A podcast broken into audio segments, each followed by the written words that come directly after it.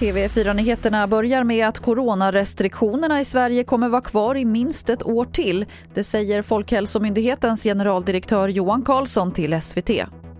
Vi får räkna med att eh, åtgärder mot, eh, mot eh, coronaspridningen kommer att ligga kvar lång tid. Alltså vi, jag ser inte framför mig att man släpper bort det här och att vi har ett helt normalt läge på, på långa tider än. Hur lång då, pratar tid? vi, då pratar vi om eh, åtminstone ett år framåt.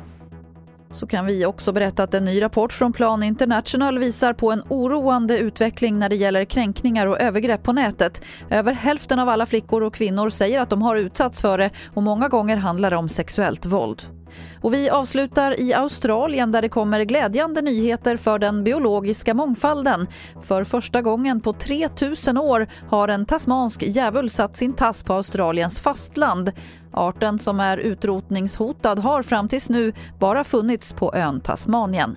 Det var det senaste från TV4 Nyheterna. Jag heter Lotta Wall.